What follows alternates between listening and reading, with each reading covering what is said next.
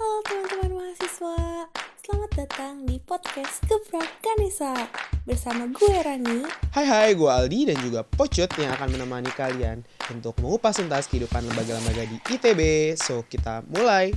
Halo teman-teman mahasiswa, balik lagi nih di Gebrak Kanisa with Kahim bersama aku Rani dan Aku Pocut. Nah, kali ini nih kita akan membahas nih lebih dalam tentang jurusan dari teknik kimia. Dan kita udah kedatangan narasumber nih, boleh di boleh perkenalkan diri dulu, Kak? Oke, halo, kenalin. Aku Givarna Devadar Kutni, biasa panggil Gio sih, uh, dari uh, Teknik Kimia 2017.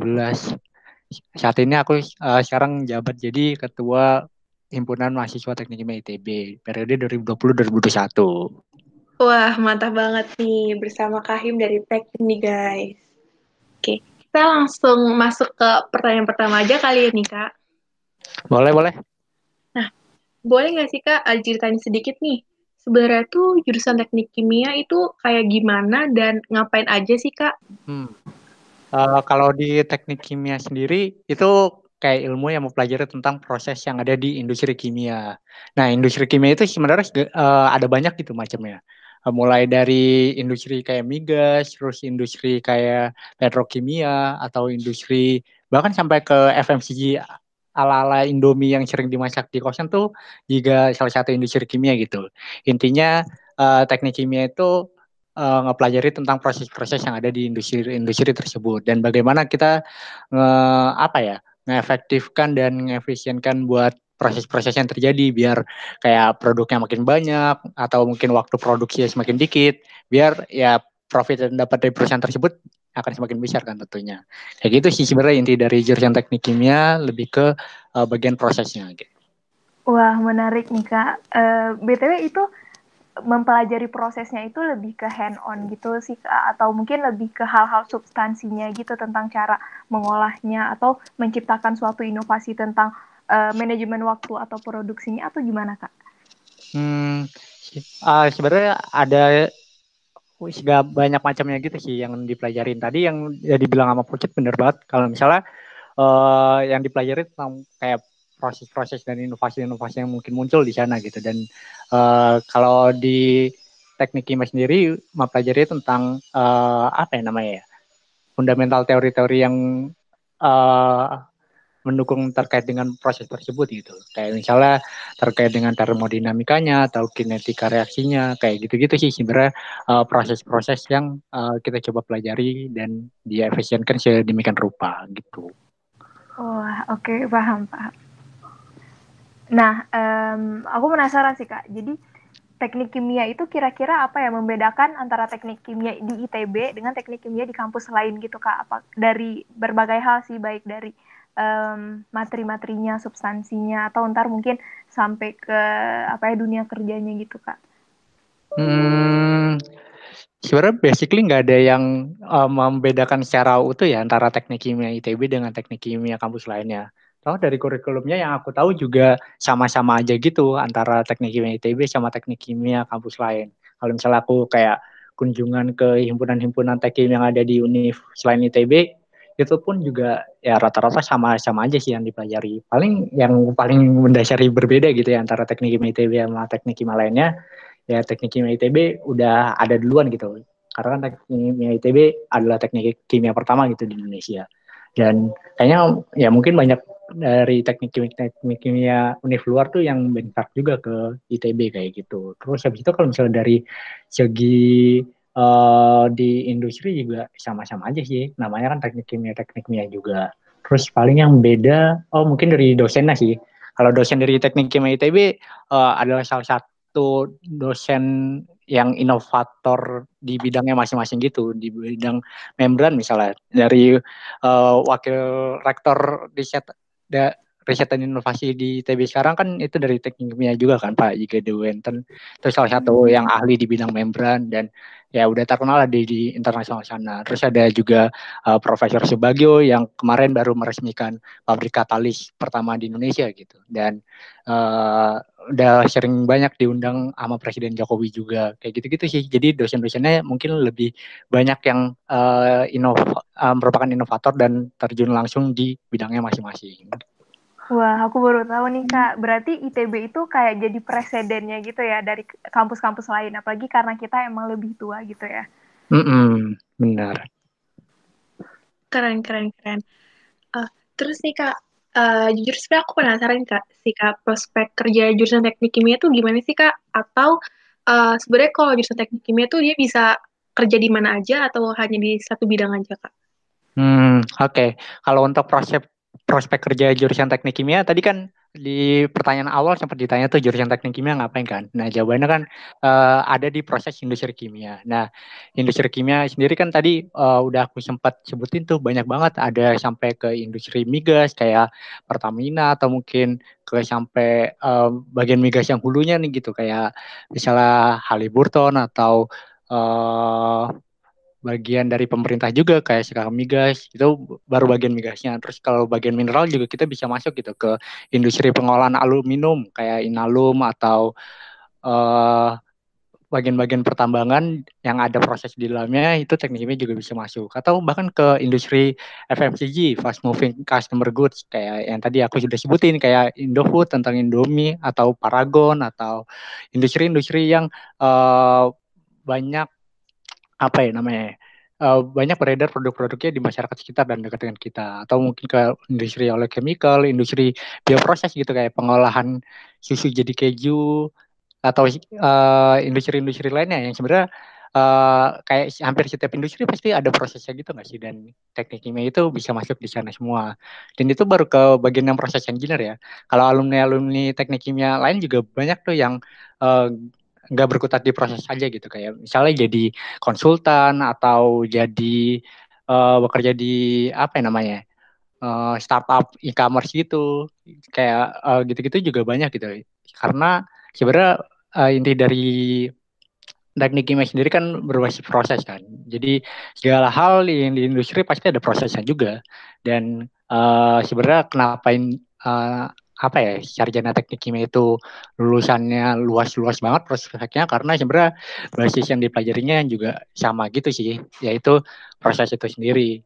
Makanya kayak uh, jadi banyak gitu industri-industri yang sebenarnya bisa dimasukin sama uh, alumni alumni teknik kimia karena sebenarnya juga toh kalau aku yang aku tahu ya dari alumni alumni Tekim juga pas mereka berkecimpung di dunia industri juga nggak banyak tuh sebenarnya matkul-matkul di teknik kimia yang uh, langsung diaplikasi langsung diaplikasikan secara langsung di uh, kerjaan-kerjaan mereka gitu. Tapi sebenarnya lebih ke arah uh, fundamental dari teknik kimianya itu sendiri, yaitu yang berbasis proses ya bagaimana kita coba mengintensifkan si proses tersebut.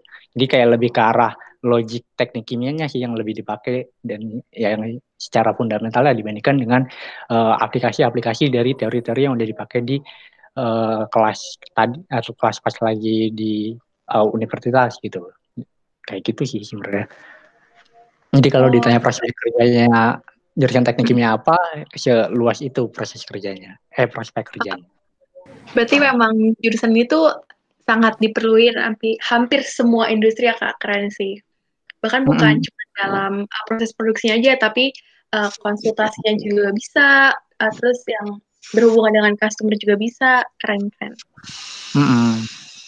Iya setuju Ran. Keren banget. Dan uh, kak berarti ntar dalam kerjanya nanti itu juga mempertimbangkan dan sebelumnya juga udah mempelajari gitu. Misalnya kayak tentang bahan-bahan kimia atau kayak ingredient ingredient dalam sebuah produk misalnya. Terus kayak kandungan gizinya yang gitu-gitu. Itu juga nggak sih kak? Iya, tapi uh, apa ya? Sebenarnya uh, kalau misalnya dipandang kayak teknik kimia tuh jurusan yang ribet banget ya kayak kimia yang kita pelajarin sama-sama di TPB, plus O2 jadi CO2 dan sebenarnya nggak berkutat di pada itu-itu aja gitu. Dan sebenarnya apa ya?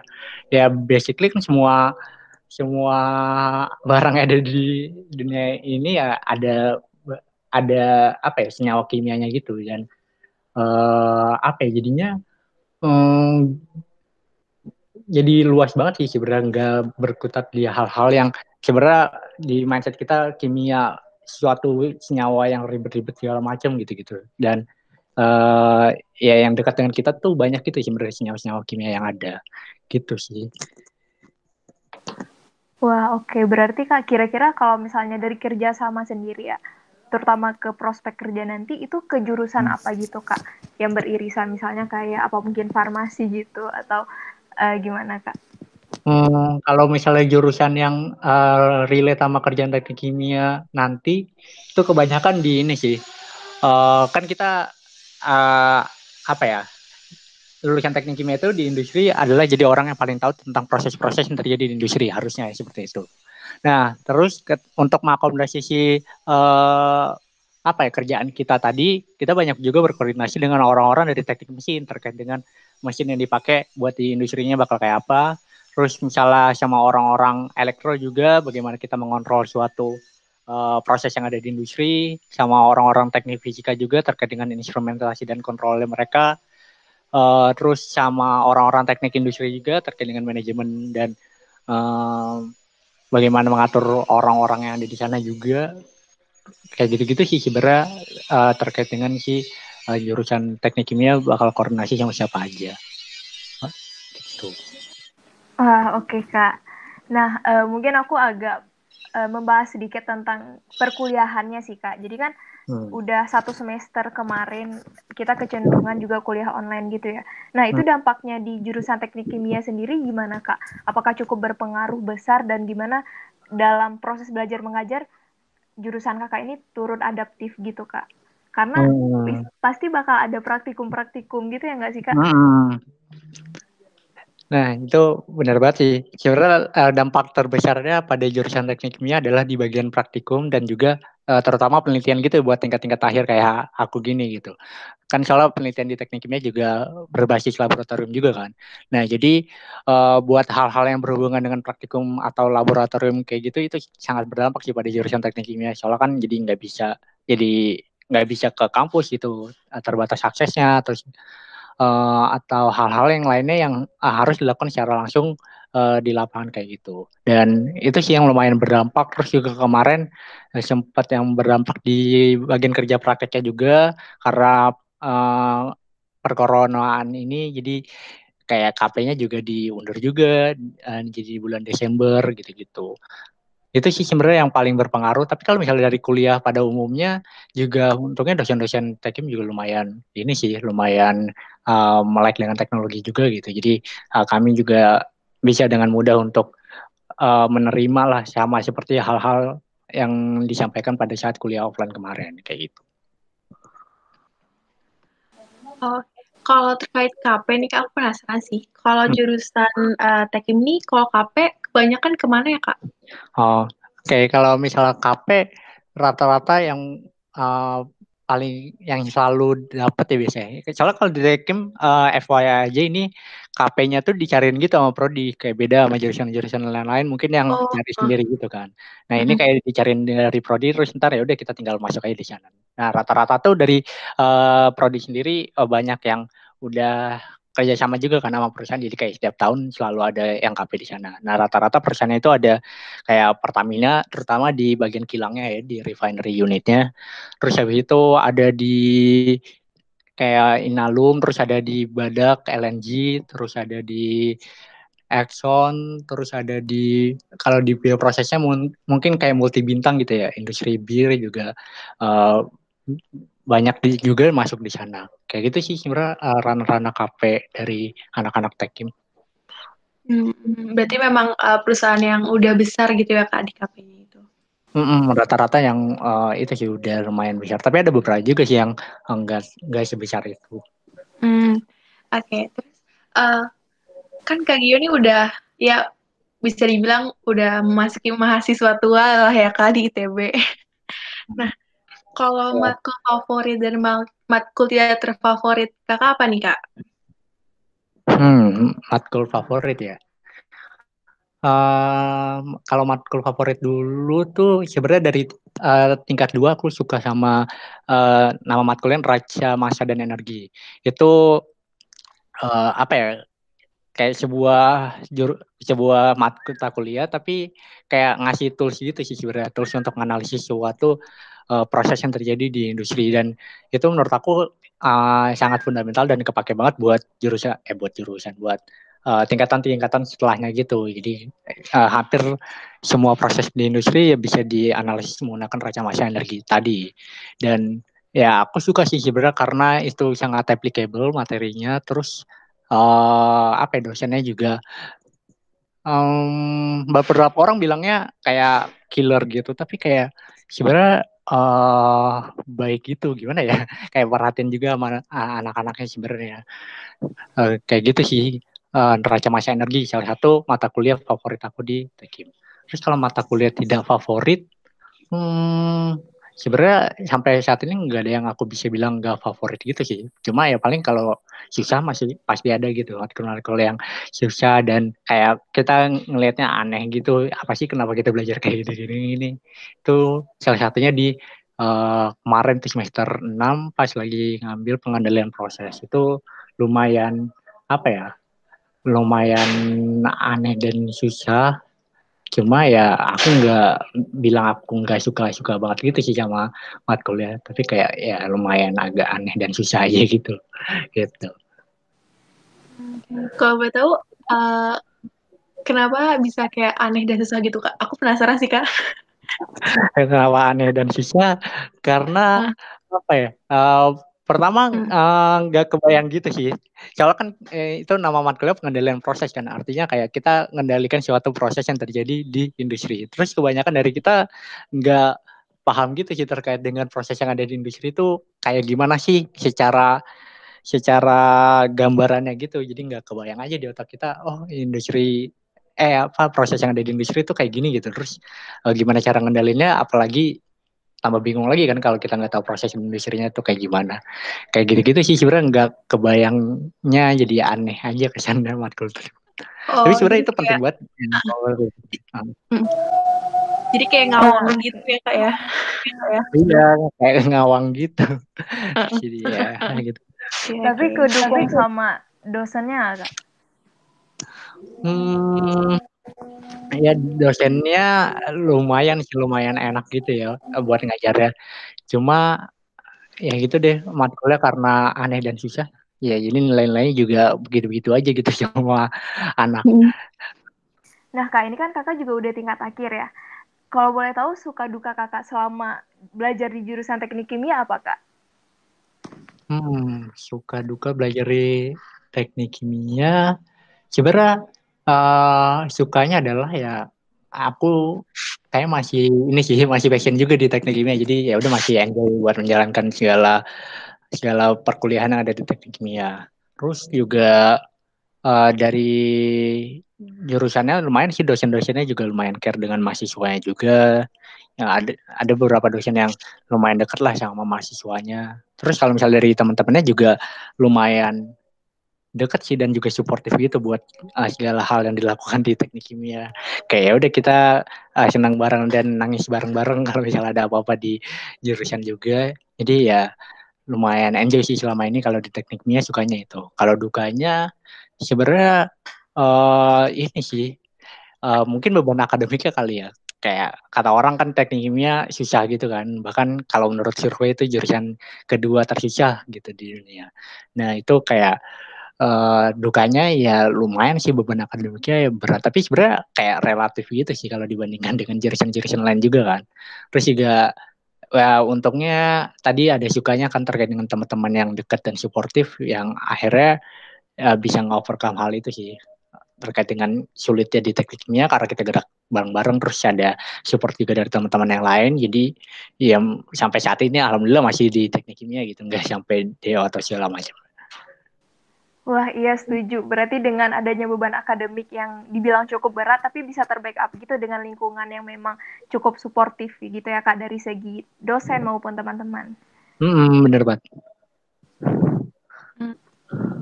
Nah, teman-teman mahasiswa nih, tadi kita udah ngebahas seputar akademik dari uh, teknik kimia. Sekarang uh, pasti banyak teman-teman yang penasaran juga nih Kak, terkait tentang himpunan dari teknik, uh, eh, dari himpunan Himatek ini. Nah, boleh dijelasin sedikit nggak nih kak, uh, Himatek itu sebenarnya himpunan yang seperti apa sih kak? Atau ada pembeda antara Himatek sama himpunan lainnya nggak tuh kak? Hmm, oke. Okay. sebenarnya secara fundamentalnya Himatek tuh nggak berbeda dengan himpunan-himpunan yang lain. Pasti himpunan pasti Himatek itu adalah suatu himpunan yang mewadahi kebutuhan sektoral mahasiswa teknik kimia akan uh, kebutuhan keilmuan dan keprofesiannya gitu. Nah, sama juga kayak jurusan-jurusan lain, intinya core bisnisnya sebuah himpunan ini adalah pengembangan diri dari orang-orang yang ada di dalamnya gitu. Nah, uh, untuk yang membedakan sendiri, ya kalau yang membedakan pasti terkait dengan keilmuan teknik kimianya sih. Jadi kayak uh, sebenarnya gak, gak begitu berbeda banget dengan himpunan-himpunan yang lain.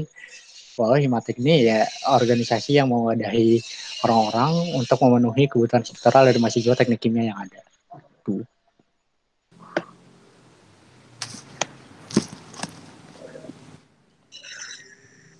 Wah, oke okay, kak. Nah kan, eh, setauku ya di jahimnya Himatek itu ada dua garis putih gitu ya. Nah kalau boleh tahu ah. itu maknanya apa ya kak? Oke, okay. uh, mungkin ini mau disclaimer dulu deh sebelum ngejelasin tentang maknanya ya. Oke okay, oke. Okay. Ya kata orang kayak uh, dua garis melambangkan himpunan kedua tertua di ITB gitu kan. Ya itu mungkin bisa di cross check lagi di Matek 20 Hinamatek dari di 26 September 1952 mungkin bisa dicek-cek apakah benar himpunan kedua tertua di ITB. Tapi kalau misalnya secara makna yang benernya itu sebenarnya gak diatur di mana-mana sih di ADRT pun gak ada di dokumen-dokumen yang lain tuh gak ada. Karena uh, apa ya? Ini fun fact-nya juga sih. Sebenarnya Jahim atau identitas lain kayak logo gitu di Himatek tuh nggak terlalu diatur banget. Itu bahkan di, diberi kewenangan gitu untuk kayak badan pengurusnya untuk bisa mengadjust lagi identitas-identitas yang ada di Matek. Bahkan kalau misalnya cara aku pengen Jahim Matek jadi warna pink gitu biar beda dengan himpunan-himpunan lain ya boleh-boleh aja gitu. Jadi kayak gak begitu diatur sih sebenarnya uh, terkait dengan si Jahim ini. Jadi kalau misalnya ditanya makna aslinya apa sih kayak gak ada sih jujur makna di garisnya itu apa terus uh, apa warna hitamnya atau mungkin makna dari logo-logonya itu semua hal-hal yang trivial yang sebenarnya diberi kewenangan untuk badan pengurusnya mengatur hal itu gitu. Gitu sih. Jadi ya emang agak fleksibel aja sih kalau untuk identitas ya di Himatek. Kayak misalnya logo Himatek mau diganti yang ala-ala startup yang minimalis atau dan juga elegan kayak gitu juga bisa sebenarnya uh, diganti sekarang juga. Ya kan ya uh, harus dicari tahu lagi kenapa kita harus ganti logo dan jahim lagi gitu kan. Tapi uh, kalau misalnya ditanya uh, tentang maknanya ya Himatek ya fleksibel itu sehingga sampai enggak diatur sih hal-hal yang terkait dengan makna jahim atau identitas lain kayak logo gitu. Wah menarik nih, berarti kita emang masih bisa meredefine, eh enggak meredesain kembali berarti dari segi jahim dan identitas lainnya gitu ya. Tapi oh. memang karena kebutuhan sekarang eh, apa ya masih enggak sebutuh itu untuk meredesain kembali gitu ya kak. Eh, nah, uh. kenapa tetap menggunakan identitas yang lama? Iya gitu.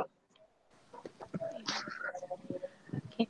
Terus kalau uh, untuk prokor terbesar dari Himatek apa nih Kak di kepengurusan Kakak sekarang? Hmm, untuk proker terbesar, sebenarnya kalau ditanya proker besar ya uh, rata-rata proker yang udah ada di sebelum-sebelumnya juga sih. Kayak uh, kalau di Himatek salah satu yang terbesar adalah ICEK.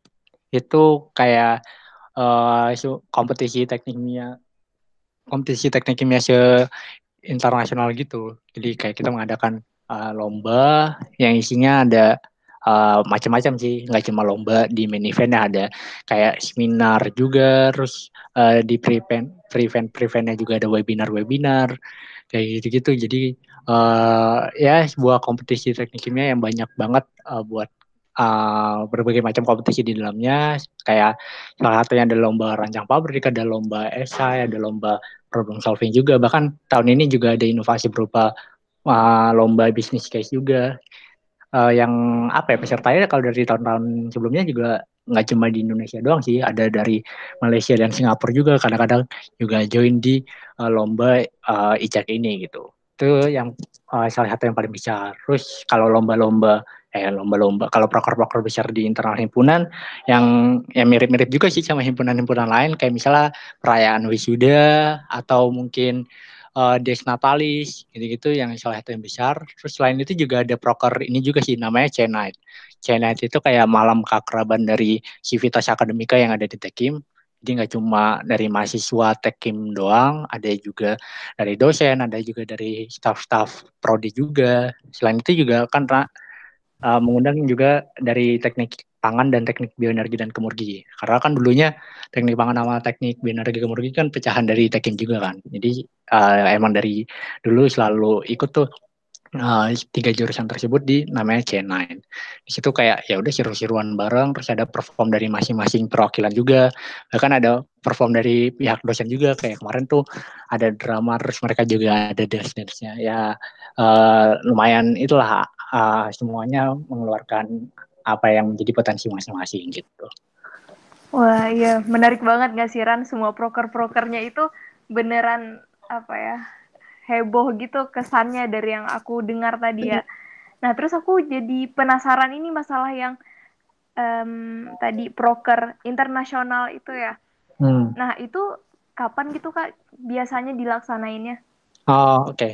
Kalau dari tahun lalu sebenarnya uh, di bulan Oktober sih dilaksanain. Tapi kalau tahun ini tuh agak diubah timelinenya. Jadi uh, dilaksanain di bulan Maret April di semester genap nanti gitu. Gitu oh, sih. berarti agar tetap bisa offline gitu ya kak. Jadi nggak nggak caranya yang kita adaptasi misalnya dijadiin online gitu, tapi timelinenya yang diubah ya kak. Mm -hmm. Uh, Oke okay, kak, uh, dan dari dari beber, berbagai proker yang tadi udah kakak sebutkan ya, ada nggak sih kak inovasi proker yang emang berbeda gitu di pengurusan kakak sekarang, yang beda dengan tahun-tahun okay, sebelumnya uh, mungkin? Kalau inovasi proker, sebenarnya uh, pertama dari aku pribadi itu uh, salah satu inovasi yang dibawa adalah nambah divisi gitu. Nah divisi ini uh, nama divisinya apa? Namanya divisi keprofesian. Intinya uh, ngerjain tentang uh, professional development gitu sih. Buat anak-anak tekim yang aku rasa masih kurang banget nih eh, dirasakan di sebelum-sebelumnya professional development yang dimaksud. Kayak uh, bagaimana ngehandle uh, CV terus uh, bagaimana interview gitu-gitu sih. Lebih banyak professional developmentnya. Terus ada tentang financial planning juga atau mungkin entrepreneurship. Itu sih yang uh, salah satu yang baru banget gitu ya. Di Himatek tuh ada nama divisi yang kayak gitu. Nah terus kalau misalnya proker-proker lainnya sebenarnya uh, ada ada berapa sih? Kayak kemarin tuh dari kasrat nih. Kasrat kita biasanya dengar kajian strategi suruh sisinya kayak kajian yang uh, berat banget gitu lah ya. Tapi kalau uh, kami coba menghandle karena kan tujuan dari kasrat tuh salah satunya untuk meningkatkan kultur kajiannya gitu kan dari masa Himatek itu salah satunya kami coba uh, proker namanya Mirasimatek. Nah, Mirasimatek ini uh, kajian juga sih isinya, tapi kajiannya yang kajian lebih ke dekat ke minat masa orang-orang. Kemarin tuh udah dilakuin dua kali tuh, namanya Mirasimatek. Nah, yang pertama tuh kita kajian tentang bola gitu sih. Jadi uh, kemarin tuh kan sempat uh, udah mau selesai kan liga-liga uh, yang ada di Inggris. Nah itu kayak uh, coba dikaji sebenarnya siapa sih yang bakal menduduki posisi ini, siapa sih yang bakal jadi juara kayak gitu-gitu. Terus habis itu kemarin juga sempat mengkaji tentang uh, drama Korea juga.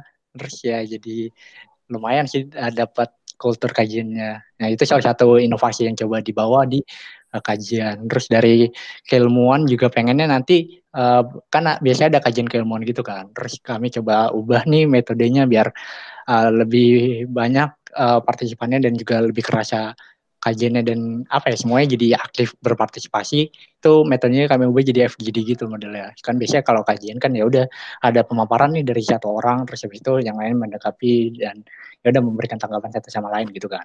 Nah tapi kayak coba ntar buat lingkaran-lingkaran kecil terus FGD dan hasilnya nanti dipresentasiin dan segala macam kayak gitu-gitu. Terus inovasi lainnya apa lagi ya? Um, terus ini sih kayak kemarin juga sempat banyak banget undang-undang alumni Tekim gitu. Uh, kami ada nama proker namanya Himatek Berkarir.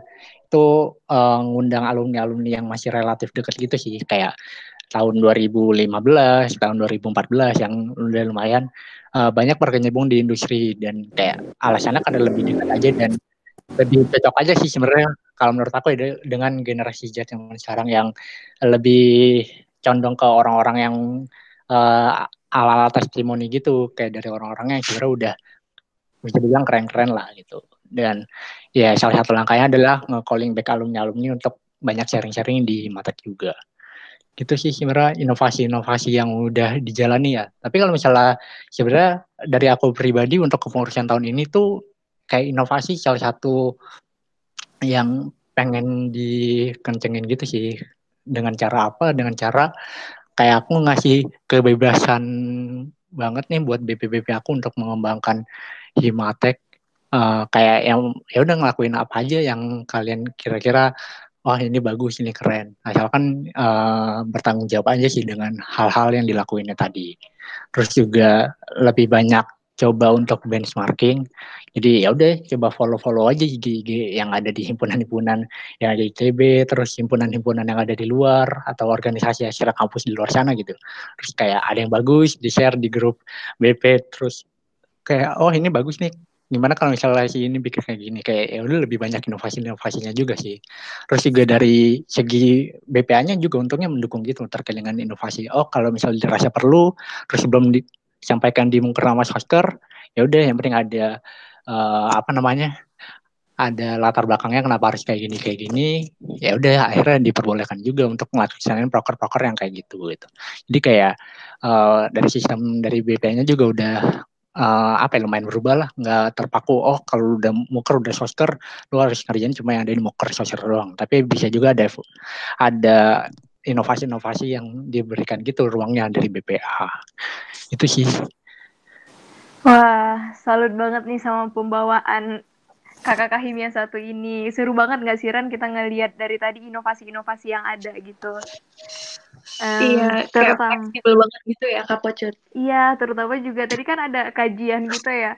Jadi iya, apa ya himpunannya dikemas gitu semenarik mungkin, seseru mungkin biar orang-orang mungkin merasa lebih dekat dengan himpunannya dengan yang kajian uh, yang lucu-lucuan tadi ya. Sebenarnya nggak lucu sih tapi yang kajian unik itulah soalnya aku juga baru dengar gitu kemarin ada kayak kajian drakor. Lah aku kira ya udah kayak cuman acara ngumpul terus lagi bahas drakor aku kira gitu doang. Ternyata emang beneran proker gitu. Proker kajian drakor keren juga sih. Aku nggak kepikiran bahkan bisa sampai segitu. Terus juga apa ya kadang-kadang juga online kayak ini juga nambah inovasi-inovasi dari kita juga sih. Karena uh, dari pihak ekstra kampusnya terutama ya. Dari ekstra kampus jadi karena online jadi nggak terbatas dengan biaya untuk kayak kunjungan-kunjungan gitu gitu. Bahkan kami juga coba berencana untuk uh, gimana kalau misalnya kita coba kunjungan ke luar negeri gitu nyari himpunan-himpunan teknik kimia yang ada di luar negeri. Soalnya kan kalau misalnya online ya udah kita nggak terbatas oleh biaya gitu kan. Kayak iya. nggak perlu untuk ya udah beli tiket buat orang-orang uh, di Himatek yang mau ikut gitu jadi ya udah buka Gmail atau Zoom atau sejenisnya yang oh ya udah kita sharing-sharing kayak gitu jadi lagi coba untuk dilakukan sih ya, akan hal itu wah keren banget kak walaupun dengan online gini kita terbatas dari segi dinamisasi, tapi kita nggak terbatas sama tadi waktu dan uh, uang juga ya kak. Jadi kita bisa mengeksplor lebih jauh apa pun yang kita inginkan gitu. Mm-hmm, Oke, menarik banget. Terus uh, gimana nih kak tindakan atau upaya Himatek nih dalam menanggulangi kepengurusan ini di kala pandemi? Karena kan kita semuanya serba online ya kak ya. Iya. Hmm, untuk upaya Himatek dalam menanggulangi di kala pandemi ini, ya sebenarnya uh, pasti proker kita di pivoting semua jadi online gitu kan. Jadi ya udah gimana caranya kita ngerancang sebuah acara uh, dilakukan secara online. Tapi sejauh ini masih belum ada masalah juga sih. Uh, mungkin karena ada untungnya juga ya. Aku kan baru naik agak lumayan telat nih, baru di bulan Mei itu resmi jadi ketua tuh baru berapa bulan ya berarti baru dua bulan lah ya ada di Himatek resmi menjabatnya terus ya udah karena baru mulai itu di kala pandemi kayak gini jadi uh, rancangan-rancangan semuanya masih bisa decision dari nol terus uh, apa ya decision dari nol terus ya udah mengejas terkait dengan kondisi yang ada gitu kan. Tapi kalau misalnya mungkin di himpunan-himpunan lain kan udah ada yang naik duluan terus ya udah ada yang bikin proker secara offline duluan terus harus diganti-ganti lagi. Tapi untungnya uh, di Himatek itu sih ngerancang prokernya dari onlinenya. Nah terus jadi um, apa ya ya semuanya jadi dibikin online aja kayak gitu sih terus ada webinar-webinar dan segala macam yang selama ini uh, mungkin uh, masih belum lihat ada kesulitan gitu ya terkait dengan si uh, proker online ini. Kemarin juga pas lagi wisuda juga lumayan asik juga untuk proker uh, online-nya. Walaupun sebenarnya aku nggak mengekspektasikan banyak, tapi ternyata asik juga loh sama serunya kayak offline. Jadi selama ini juga uh, masih belum terlihat kendala yang begitu berarti ya untuk uh, prokernya yang dijadikan uh, online kayak gini gitu. Oke, berarti tujuan prokernya itu emang diharapkan tetap tercapai gitu ya kak, tapi dengan berbagai penyesuaian dari segi metodenya gitu nggak kak? Hmm. Terus juga, tapi kalau dari segi partisipan uh, lumayan ini sih lumayan bertambah gitu ya. Karena kan kalau misalnya uh, offline kita terbatas dengan ruang kita, kita harus punya usaha lebih untuk datang proker kayak ya udah siap-siap mandi habis itu baru berangkat ke ITB buat datang suatu proker yang ada di Matek gitu kan. Tapi kalau sekarang ya udah tinggal uh, buka laptop doang terus nyalain Gmeet terus ya udah kita udah bisa uh, ikut proker kayak gitu. Terus kayak uh, apa lagi ya? Terus jadi nggak terbatas ruangnya juga. Kalau misalnya di offline kan kita terbatas sama uh, ruangan sekretariat tempat kita buat ini kan, buat bikin broker. Kayak misal beberapa orang nih kapasitasnya. Nah kalau misalnya di online kan uh, ya harusnya nggak terbatas itu gitu untuk kapasitas orang-orangnya. Ya setuju banget kak. Gitu. Nah um, tadi kan kita udah bahas gitu ya tentang jurusan Tekim dan juga Himatek sendiri. Nah aku pengen nanya-nanya nih kak tentang kakak sendiri sebagai kahim. Nah, gimana nih Kak terkait perubahan-perubahan yang mungkin Kakak rasakan selama Kakak menjadi kahim? BTW ini baru bentar gitu ya Kak, berapa bulan ya kali setelah muker. Gimana Kak? Iya, untuk uh, perubahan sendiri sebenarnya aku ngerasa banyak perubahan sih dalam diri aku gitu. Uh, perubahan perubahannya uh, aku bisa pastikan bahwa aku di posisi sekarang sama aku sebelum jadi kahim adalah orang yang lumayan berbeda gitu. Karena selama aku bekerja jadi kahim kayak gini, lalu lebih banyak bekerja sama orang-orang yang ada dekat-dekat dekat-dekat aku kan kayak BP gitu. Orang-orangnya lumayan ya keren di bidangnya masing-masing gitu dan aku jadi banyak belajar juga sih dari orang-orang yang ada di BP aku gitu. Apalagi kayak uh, untungnya nih uh, yang jadi BP BP aku juga aku ngambil bukan orang-orang yang uh, yang dulunya mungkin sering aktif di himpunan banget gitu. Tapi aku juga coba ambil orang-orang yang um, orang-orang keren di luar sana. Tapi uh, dulunya mungkin nggak begitu aktif ya di himpunan. Tapi coba dipanggil orang-orang kayak gitu dan akhirnya ya jadi banyak inovasi-inovasi yang muncul dari sana gitu sih. Dan uh, akhirnya ya aku jadi lebih terbuka gitu sih terkait dengan perspektif aku sendiri. Soal kan selama ini aku ada di Himatek terus memandang ya udah Himatek yang kayak gitu gitu kan. Jadi kayak ya udah perspektif aku jadi lumayan sempit. Terus ketika aku jadi kahim terus ngambil orang-orang yang banyak banget ah, berkegiatan di luar sana terus ya udah perspektif aku jadi makin luas kayak gitu. Itu dari segi perspektif aku jadi lumayan terkembangkan sih untuk menjadi kahim terus juga um, ketika menjadi kahim juga udah lumayan berbeda nih orientasinya dari dulunya yang mungkin agak self oriented terus sekarang harus dipaksa untuk jadi uh, people oriented gitu buat gimana kita jadi servantnya masa jadi pelayannya lu butuh apa gua coba supply gitu. Kayak gitu gitu sih jadi lebih ke arah uh, customer oriented gitu buat masa Imatek yang ada.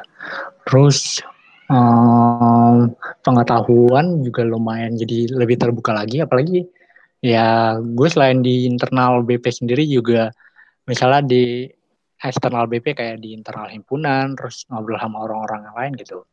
Terus apalagi di eksternal dari himpunan itu sendiri ya, kayak ngobrol sama kahim-kahim yang lain, terus uh, sama uh, apa ya, orang-orang yang ada di kabinet misalnya MWM atau mungkin orang-orang kongres gitu. Itu aku juga lumayan jadi lebih banyak gitu pengetahuan-pengetahuan yang aku nggak selama ini belum dapat gitu di uh, sebelum jadi kahim ya. Terus juga kayak kahim-kahim himpunan lain hmm. atau uh, bahkan kayak yang di luar himpunan tekim juga aku juga jadi lumayan dapat kenal-kenalan gitu dan akhirnya bisa belajar banyak di sana sih.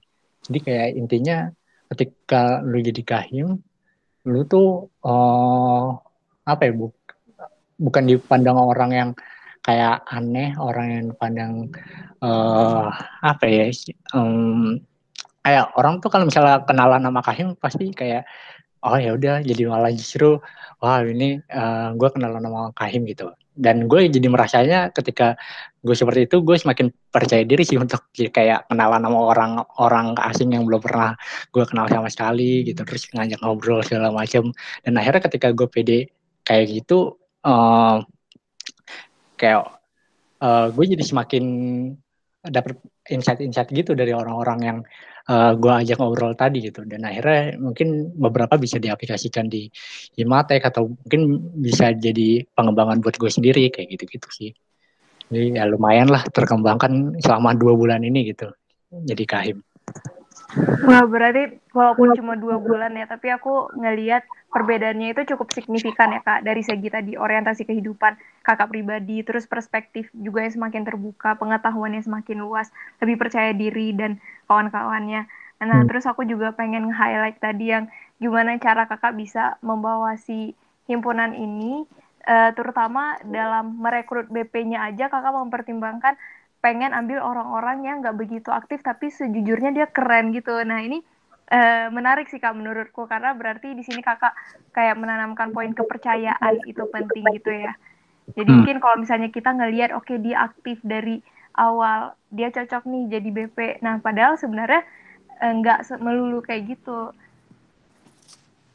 Iya, uh, soalnya juga aku percaya gitu sih sama misalnya orang-orang yang uh, lumayan aktif di satu tempat ada beberapa minusnya gitu. Salah satunya adalah um, mereka punya echo chamber gitu sih di dalam perspektif mereka. Uh, jadi ya udah uh, terbatas di lingkungan-lingkungan mereka berada. Dan ketika kita ngambil orang-orang yang berada di lingkungan berbeda, akhirnya ya semakin terbuka kembali sih perspektifnya. Dan itu yang aku pengen harapkan lah ketika uh, ngerekrut BP-BP yang ya lumayan berada di lingkungan yang berbeda dengan ada yang di himpunan dan akhirnya jadi banyak ide-ide inovasi yang ada di Himatek sekarang sih kalau aku lihat gitu dan akhirnya ya terwujud lah apa yang aku impikan ketika aku ngerekrut dari orang-orang yang lingkungannya berbeda-beda tadi. Oke oke berarti kakak emang pengen memberdayakan semua orang gitu ya di dalam Himatek itu sendiri. Mm Soalnya ya aku ngeliat kayak orang-orang yang mata keren coy, kenapa kayak di calling back lagi orang-orang yang uh, emang keren-kerennya itu gitu. Setuju banget sih aku. Nah nih kak, aku juga kepo nih kak, apa sih yang memotivasi kakak nih buat maju jadi ketua himpunan? Terus gimana tuh kak rasanya pas kepilih jadi ketua himpunan? Hmm, sebetulnya kalau motivasi untuk maju jadi ketua himpunan, uh, apa ya aku nggak bisa menafikan lah kalau misalnya jadi kahim tuh sesuatu orang yang prestis orang-orang yang keren kayak gitu. Ya ya misalnya gue ngeliat kayak dulu pas lagi OSKM orang-orang lagi orasi pelangi di depan panggung gitu kan. Terus ya udah kayak memandang suatu keren dan membayangkan ketika gue bisa nggak ya jadi orang yang ada di situ juga terus kayak ngelihat arak-arakan wisuda di tunnel gitu kan orang kahim-kahim pada orasi segala macam wah ini kayak orang-orangnya keren-keren banget gitu. Gue bisa nggak sih jadi orangnya kayak gitu? Terus ya udah akhirnya uh, kayak masih memandang seorang kahim itu orang-orang yang keren aja gitu. Dan gue jadi pengen juga lah jadi orang-orang yang keren kayak gitu juga dong. Terus ya udah akhirnya itu sebenarnya yang jadi motivasi yang sebenarnya apa ya namanya man men jadi mendasari gitu sih sebenarnya. Walaupun juga ada motivasi-motivasi yang lain kayak oh ini sesuai dengan tujuan hidup segala macam. Tapi kayak ya tidak dapat dipungkiri juga kalau misalnya ngelihat seorang kahim adalah seorang yang keren itu jadi salah satu motivasi gue juga gitu untuk jadi seorang kahim. Dan rasanya ya ketika kepilih jadi kahim um, saat itu agak mis gitu, ada agak bercampur gitu sih rasanya jadi orang kahim. Kayak di satu sisi gue berhasil menjadi orang yang keren yang gue impikan dulu sejak TPB masuk di OSKM terus ngeliat acara-acara wisuda terus akhirnya masuk Imatek gitu kan terus ngeliat kahim-kahim yang dulu kayak apa gitu. Itu kayak ngerasa uh, ya itu sebuah mimpi yang akhirnya tercapai gitu dan ya pasti gue seneng banget lah. Terus habis itu di satu sisi juga uh, ngerasa apa ya uh, terbebani gitu sih dengan titel misalnya orang keren dan uh, apa ya pemenuhan ekspektasi banyak orang gitu itu kayak termasuk salah satu yang salah satu yang agak bercampur gitu dengan kesenangannya tadi gitu. Jadi kayak satu sisi sempat uh, sedih dan tertekan karena tidak memenuhi ekspektasi orang, tapi di satu sisi juga uh, senang gitu bisa uh, menjadi orang yang keren. Apalagi bisa apa ya secara langsung um, memperbaiki banyak hal yang ada di himpunan juga gitu. Itu sih. Jadi uh, kalau ditanya motivasi dan rasanya gimana ketika kepilih motivasinya adalah yang paling mendasari adalah pengen juga jadi orang yang keren kayak gitu. Dan rasanya ketika kepilih adalah ya senang tapi juga ada satu sisi yang kayak tertekan dan terbebani juga gitu tuh. Bener-bener kayak uh, di satu sisi kayak wah seneng nih gue nyoba jadi kahim. Kayak terlihat orang-orang jadi keren ya kak. Terus satu, di satu sisi juga kayak terbebani kayak ah ini nanti bisa kayak gini gak ya? Bisa kayak gini gak ya? Karena kan ekspektasi tiap orang-orang beda-beda gitu ya kayak mm -mm. dan apalagi ya itulah semua semua ekspektasi orang nggak bisa kita wujudkan semuanya gitu uh -uh. gitu. Jadi ya dipilih juga Nah, uh, oke. Okay. Jadi teman-teman gak terasa nih kita udah cukup lama ngobrol sama Kak Gio. Banyak banget insight yang aku dan Rani dapatkan di sini dari gimana perjuangan Kak Gio. Tadi mungkin yang Kak Gio juga udah cerita yang awalnya pengen jadi orang-orang keren yang dalam artian orang berpengaruh gitu ya. Terus termotivasi hingga bisa tercapai mimpinya. Itu keren banget sih Kak perjuangannya. Nah, selain perjuangan Kak Gio juga tadi kita udah sempat tahu berbagai inovasi yang coba Kak Gio terapkan dalam uh, himpunan ini terutama ya. Nah, karena uh, kita udah di penghujung acara nih ya, jadi um, benar. Ya, makasih buat Kak Gio dan makasih juga buat Rani. Nah, mungkin terakhir banget nih Kak, um, aku pengen ini dong pesan dari Kakak, apa pun sih Kak, mungkin buat para pendengar atau siapa pun. Hmm, kalau motivasi sebenarnya apa pun yang lo lakukan coba cari lagi uh, why-nya kenapa. Kenapa sih lu melakukan hal tersebut dan sebenarnya apa sih yang lu pengen capai di hidup lu gitu. Dengan lu melakukan hal tersebut langkah sekecil apa pun coba lu cari kenapa why-nya dan itu menurut gue lumayan uh, apa ya lumayan salah satu langkah untuk mengefektifkan segala hal yang lu lakukan di dalam hidup lu apakah itu sesuai dengan tujuan hidup lu ya tanya lagi kalau dari lu sendiri apakah itu benar? Apakah itu sesuai apa yang lu lakukan tadi? Dengan why-nya kenapa lu pengen melakukan itu? Gitu sih sebenarnya. Doang wala walaupun gak relate sama bahasan tadi kayak ya itu salah satu yang coba gue pegang gitu selama selama gue melakukan sesuatu lah intinya. Oke okay, berarti uh, mesti start with why ya kayak kayak bukunya yang ada bukunya itu Iya kayak bukunya yes, Simon Keren bener.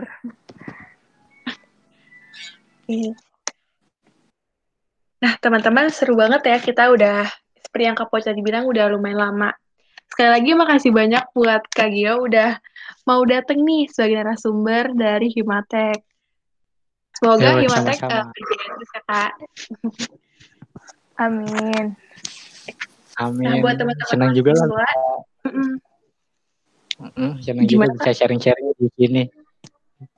Apalagi uh, dari radio kamu sudah undang aku, aku juga kayak senang gitu bisa berbagi apa yang aku alami selama ini gitu sih. Dan ya thank you banget buat RK udah nyediain wadahnya. Ya, aku juga senang banget sih Kak bisa sharing-sharing sama Kakak hari ini. Oke okay deh. Nah, buat teman-teman mahasiswa udah dengerin podcast Gebrak Ganesha with Kahim Himate kali ini, terima kasih. Dan kalau misalnya teman-teman ada saran lagi nih, minggu depan kita mau undang siapa, boleh banget langsung DM ke Instagram Radio Kampus ITB. Dan jangan lupa dengerin podcast Radio Kampus ITB di Spotify ya teman-teman. Sampai jumpa. Dadah. Dan makasih semuanya. Makasih Kak Gio. Makasih Kak. Ya, makasih juga. Ya, udah.